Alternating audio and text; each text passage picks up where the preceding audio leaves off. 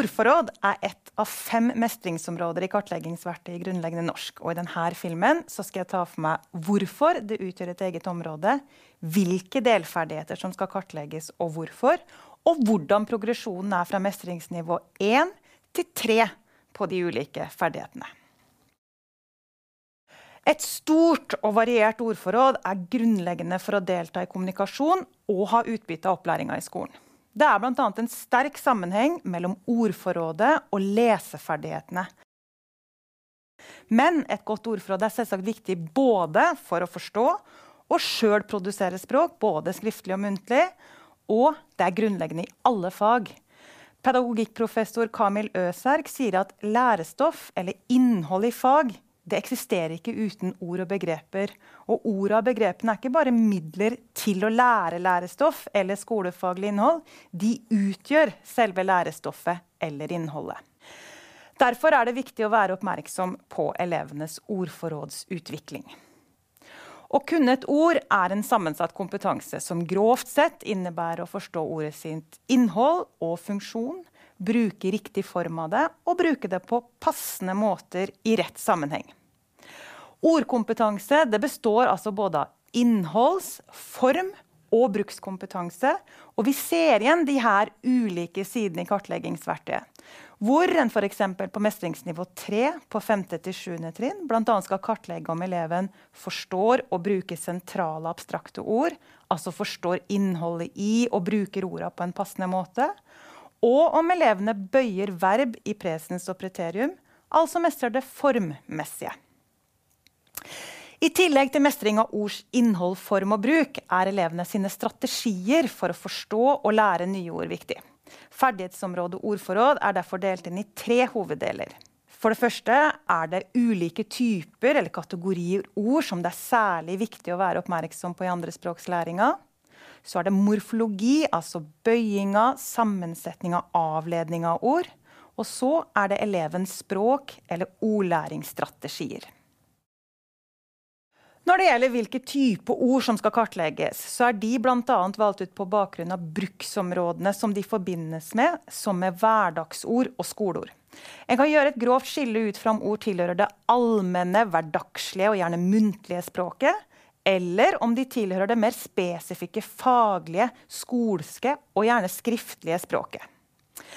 Det skolske språket er for det første kjennetegna mange fagord. Fagord er gjerne spesifikke for ett enkelt fag, som f.eks. toneart og akkord i musikkfaget, eller rettvinkla og subtraksjon i matematikk. De her ordene er ofte utfordrende for alle elever, men de er særlig utfordrende for andrespråksinnlære. Bl.a. fordi de er lite frekvente. Kanskje er det sånn at eleven møter dem bare i ett fag og i ett tema. Og mange av de her ordene er også lite konkrete og lite gjennomsiktige. altså De er lite sjølforklarende. Og mange er sammensatt eller inngår i sammensetninger som f.eks. skjelettmuskulatur, livmorhals og menneskerettighetsdomstol. Skolespråket er også kjennetegna av bruken av det vi kaller allmenne akademiske ord. Det er ord som ikke tilhører et spesifikt fag eller fagområde, men som like fullt er mest utbredt i skolske sammenhenger. Dette dreier seg om et bredt spekter av ord, som f.eks. tilsvarende, sannsynligvis, imidlertid, hypotese, mangelfull, drøfte. Og også disse ordene er gjerne lite frekvente i dagligtalen, sånn at elevene eksponeres lite for dem. Og de er ofte abstrakte og eller ugjennomsiktige, sånn at eleven ikke kan resonnere seg fram til hva de betyr. Og På bakgrunn av dette så inngår både hverdagsord, fagord og allmenne akademiske ord i verktøyet. Sånn som vi ser her fra mestringsnivå 2 på 8. til 10. trinn, der en skal kartlegge om eleven forstår og bruker ord som brukes på de mest sentrale arenaene i eget liv, forstår og bruker norske ord for de mest sentrale aldersadekvate fagbegrepene som brukes i undervisning, og forstår og bruker en del sentrale allmenne akademiske ord som brukes i ulike fag. En annen kategori kartleggingsverktøy er gjennomsiktige og ugjennomsiktige ord. Det dreier seg om hvorvidt ord er sjølforklarende eller ikke. Der de ugjennomsiktige, dvs. Si ikke ikke sjølforklarende selvfølgelig er særlig utfordrende for andrespråksinnlære. En type ugjennomsiktige ord som er spesielt vanskelig, er metaforer og idiomer. Metaforer er enkeltord eller uttrykk med overført betydning, sånn som fruktfat. I han er ikke akkurat noe fruktfat. Og idiomer er ordkombinasjoner som er blitt etablerte metaforiske uttrykk, som f.eks. å lese mellom linjene og slå i hjel tida. Metaforer og idiomer er utbredt både i hverdagsspråket og skolespråket, og de er viktige å forstå. Samtidig er de utfordrende nettopp fordi de er ugjennomsiktige, og fordi de ofte krever både språklige ferdigheter og kulturell innsikt. I verktøyet så kartlegges dette derfor først fra 5. til 7. trinn, og først på mestringsnivå 2, der det skal kartlegge om eleven forstår en del frekvente metaforer og idiomer. En annen ordkategori i kartleggingsverktøyet er kjerneord og mer spesifikke ord. Kjerneord er høyfrekvente ord med lite spesifisert innhold som en kan bruke om mange ulike fenomen og i mange ulike sammenhenger. Eksempler på dette er såkalte bevegelsesverb som gå, som er høyfrekvent og ofte brukes i stedet for mer spesifikke verb som å reise og rusle. Kjerneord omfatter også adjektiver som bra og fin, som kan beskrive mange ulike følelser og mange ulike forhold. Unge elever og andrespråksinnlærere vil ofte bruke kjerneord med vid betydning i tidlige faser av språklæringa si. Men de får og bør få et mer spesifisert og kunnskapsrelatert ordforråd etter hvert.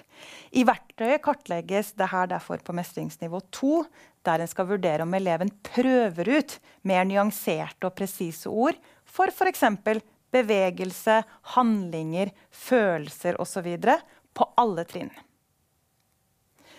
Elevens forståelse og bruk av innholdsord og funksjonsord inngår også i kartleggingsverktøyet.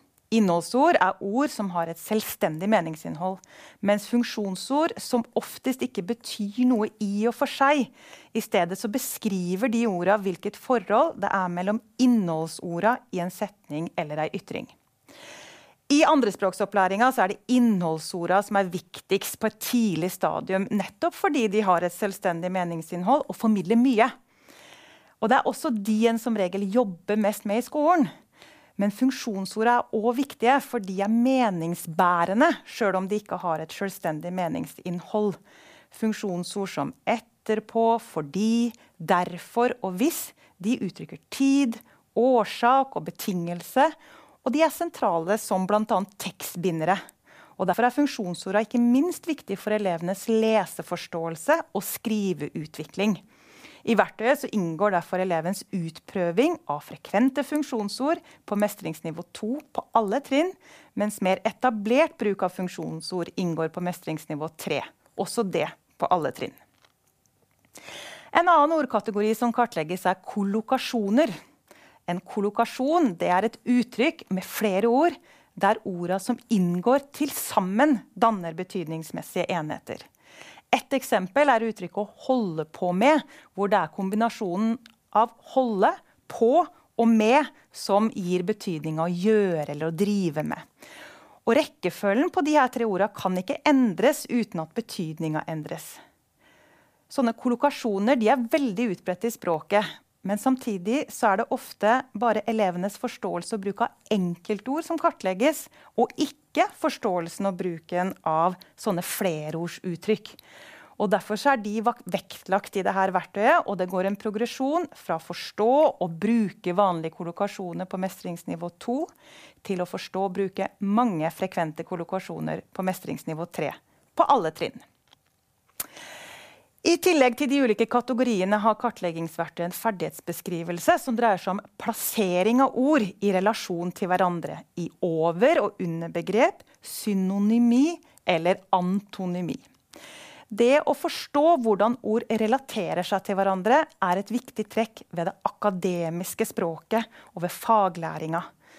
Dette er derfor med på alle trinn fra og med mestringsnivå 2 Sånn som vi ser her fra første og andre trinn, hvor en skal kartlegge om eleven plasserer en del frekvente aldersadekvate ord i relasjon til hverandre.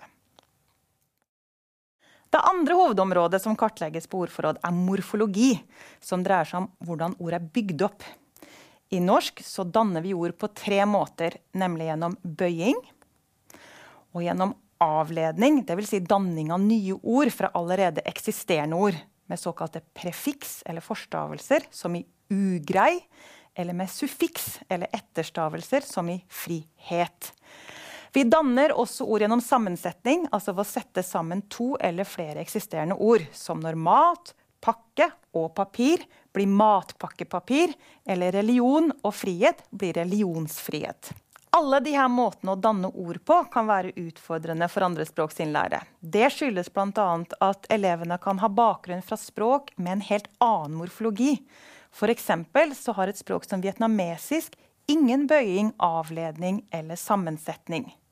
Norsk regnes ellers ikke som et spesielt komplekst språk morfologisk sett, men det er sider ved bøyingssystemet som er utfordrende.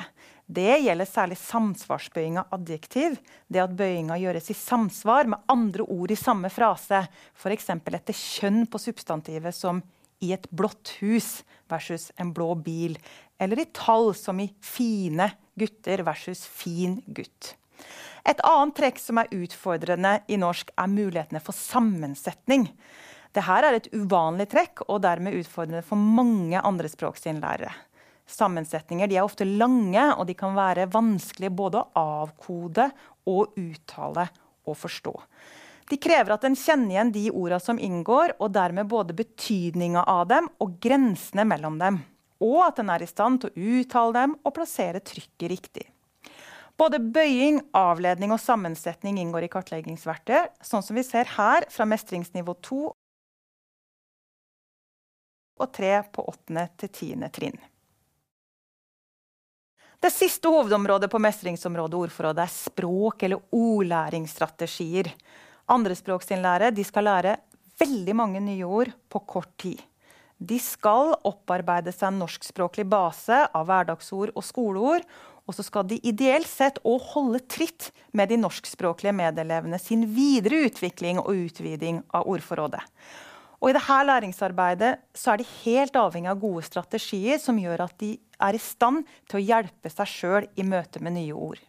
I kartleggingsverktøy så inngår overordna strategier, som elevenes ulike strategier for å utforske ords innhold, form og bruk, og deres kompensatoriske strategier når de mangler ord, på mestringsnivå 1. Fra mestringsnivå 2 så kartlegger en i tillegg elevenes evne til tverrspråklig sammenligning. På første til andre trinn kartlegges det hvorvidt eleven har et begynnende sammenlignende perspektiv på ords innhold, form og bruk i eget morsmål og eventuelt andre språk de kan, og norsk. Og på mestringsnivå 3 så kartlegges det hvorvidt eleven har et sammenlignende perspektiv.